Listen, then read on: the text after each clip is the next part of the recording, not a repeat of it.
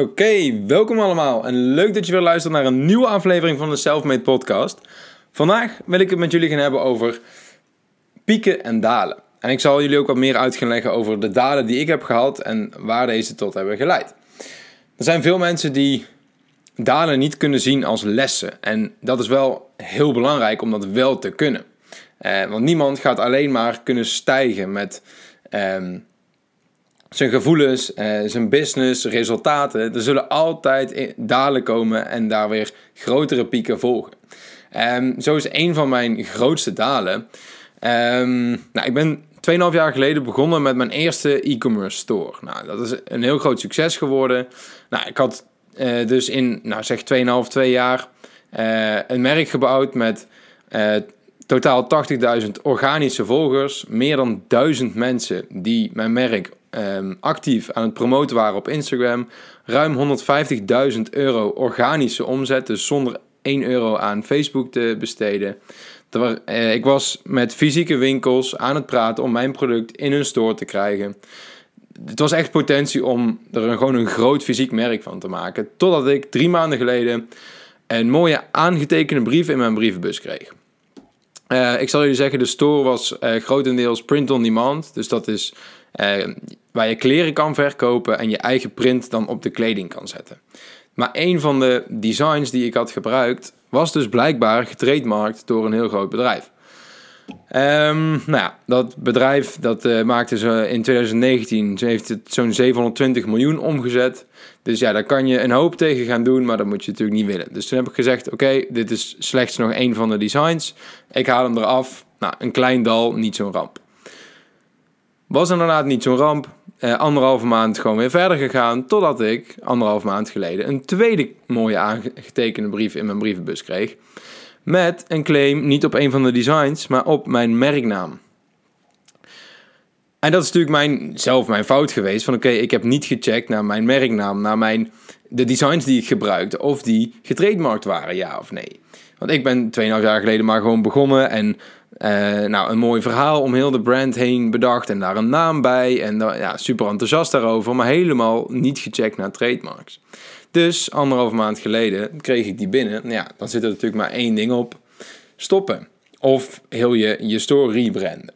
Maar dat is waar dus het, het leren van een dal naar voren komt. Want je bent vaak heel gehecht aan je babytje, je eerste bedrijf, zeg maar. Je wilt het niet opgeven, ondanks dat je weet dat je bedrijf misschien niet zo efficiënt mogelijk is ingericht als het kan.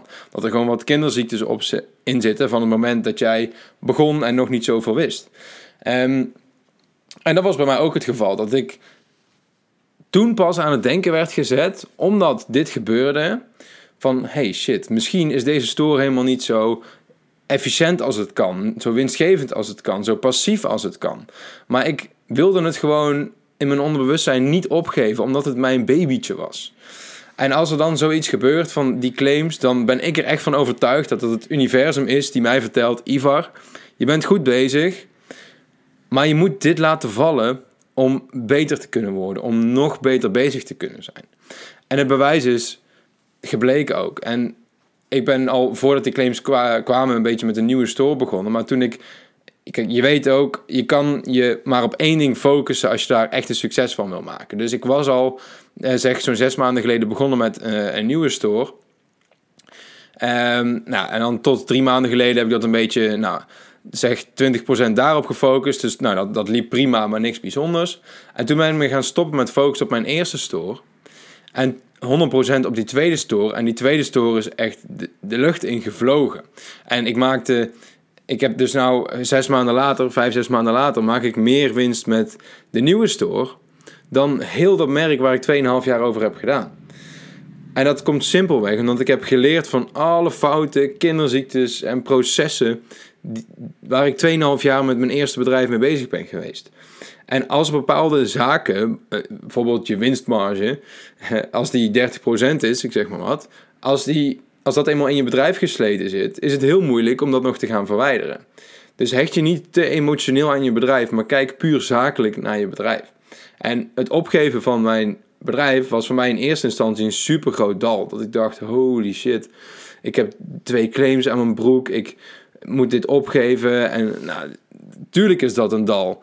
Maar omdat ik dit op heb gegeven, zit ik momenteel in de grootste piek die ik me had kunnen wensen. Ik heb nu meerdere succesvolle e-commerce stores die ik sneller, efficiënter en winstgevender op heb gezet dan mijn eerste bedrijf. Iedere store heeft ook zijn eigen doel. De ene store heeft echt als doel om weer zo'n, uh, als mijn eerste bedrijf, een, zeg een premium merk te worden met potentie tot in fysieke stores te komen. En daarbij is het niet belangrijk van oké, ik moet in maand 1 zoveel mogelijk winst maken. Nee, want je doet het voor de lange termijn. Dus dat bouwt gewoon slow en steady op. En ik heb uh, wat stores die gewoon als cash cow dienen. Dus dat zijn stores die nou gewoon die ik opzet en die een maand later al veel geld verdienen. En het kan zijn dat ik die over een half jaar niet meer heb. Um, en ik weet nu hoe ik dit allebei zelf op kan zetten. Zelf dus de systemen en de mensen in plaats kan brengen. Om vervolgens mezelf er tot 80 tot 90 procent uit de business kan halen. Zodat het passief draait. En ik kan doen wat ik wil. En hierdoor heb ik ook veel meer vrijheid, veel minder stress, meer geld uiteindelijk. En ik kan me focussen op mezelf en de zaken waar ik echt gelukkig van word. Dus heel dat opgeven van mijn eerste bedrijf, wat mij veel te veel moeite kostte om een bepaalde output eruit te halen, omdat het gewoon niet efficiënt genoeg was. Maar je bent dan toch een beetje blind daarvoor, omdat het jouw babytje is.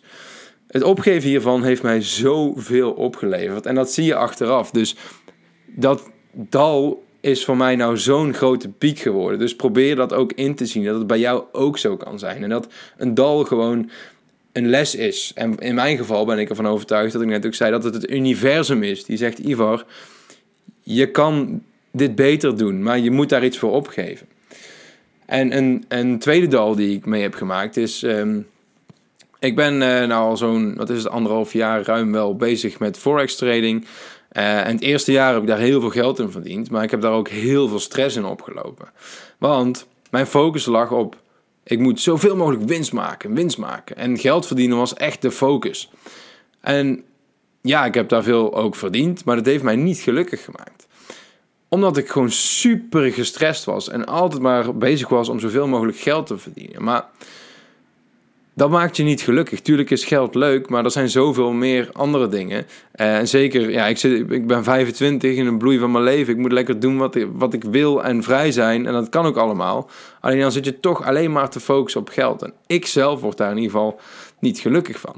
Um, en ik kom dadelijk terug op een hele mooie, mooie twist. Uh, daar zou ik uh, de podcast ook mee afsluiten. Maar ik heb me dus een jaar lang, het eerste jaar, echt super erg daarop gefocust. En toen kwam er een moment waarop ik alles, maar letterlijk alles, wat ik in het eerste jaar had verdiend, was ik verloren. Alles. En die klap, die kwam natuurlijk super hard aan. En die heb ik ook echt al een paar dagen gevoeld. En wat denk je, een week later, ik voelde me beter dan ooit. Want ik kwam erachter dat geld voor mij niet de focus moet zijn op dit moment. Tuurlijk vind ik geld belangrijk. Maar voor mij is dit niet focus nummer één. Ik wil elke dag gewoon opstaan en iets doen wat ik leuk vind. Doen waar ik gelukkig van word. Werken, maar dat het niet voelt als werken. En als ik een 60 of een 80-urige werkweek maak, dat ik dat gewoon wil. Dat ik daar ook blij van word. En, en ja, ik doe nog steeds Forex. Begrijp me niet verkeerd hoor. Maar ik doe het nu veel passiever. Dus ik heb weer een, een nieuwe methode strategie voor mezelf ontwikkeld, waardoor ik het passiever kan doen, op een lager pitje kan zetten. Waardoor ik minder greedy word, want dat is met traden heel erg. Greediness is wat je vaak kilt. Uh, en waardoor je uiteindelijk geld gaat verliezen, omdat je niet genoegen neemt met een x percentage, maar dat je alleen maar meer, meer, meer, meer, meer wil. Dus ik heb nou, ik ben tevreden met een minder percentage, maar nog steeds hartstikke veel. Want soms verlies je een beetje de realiteit van. Uh, ik noem een voorbeeld waar ik op 3% per week.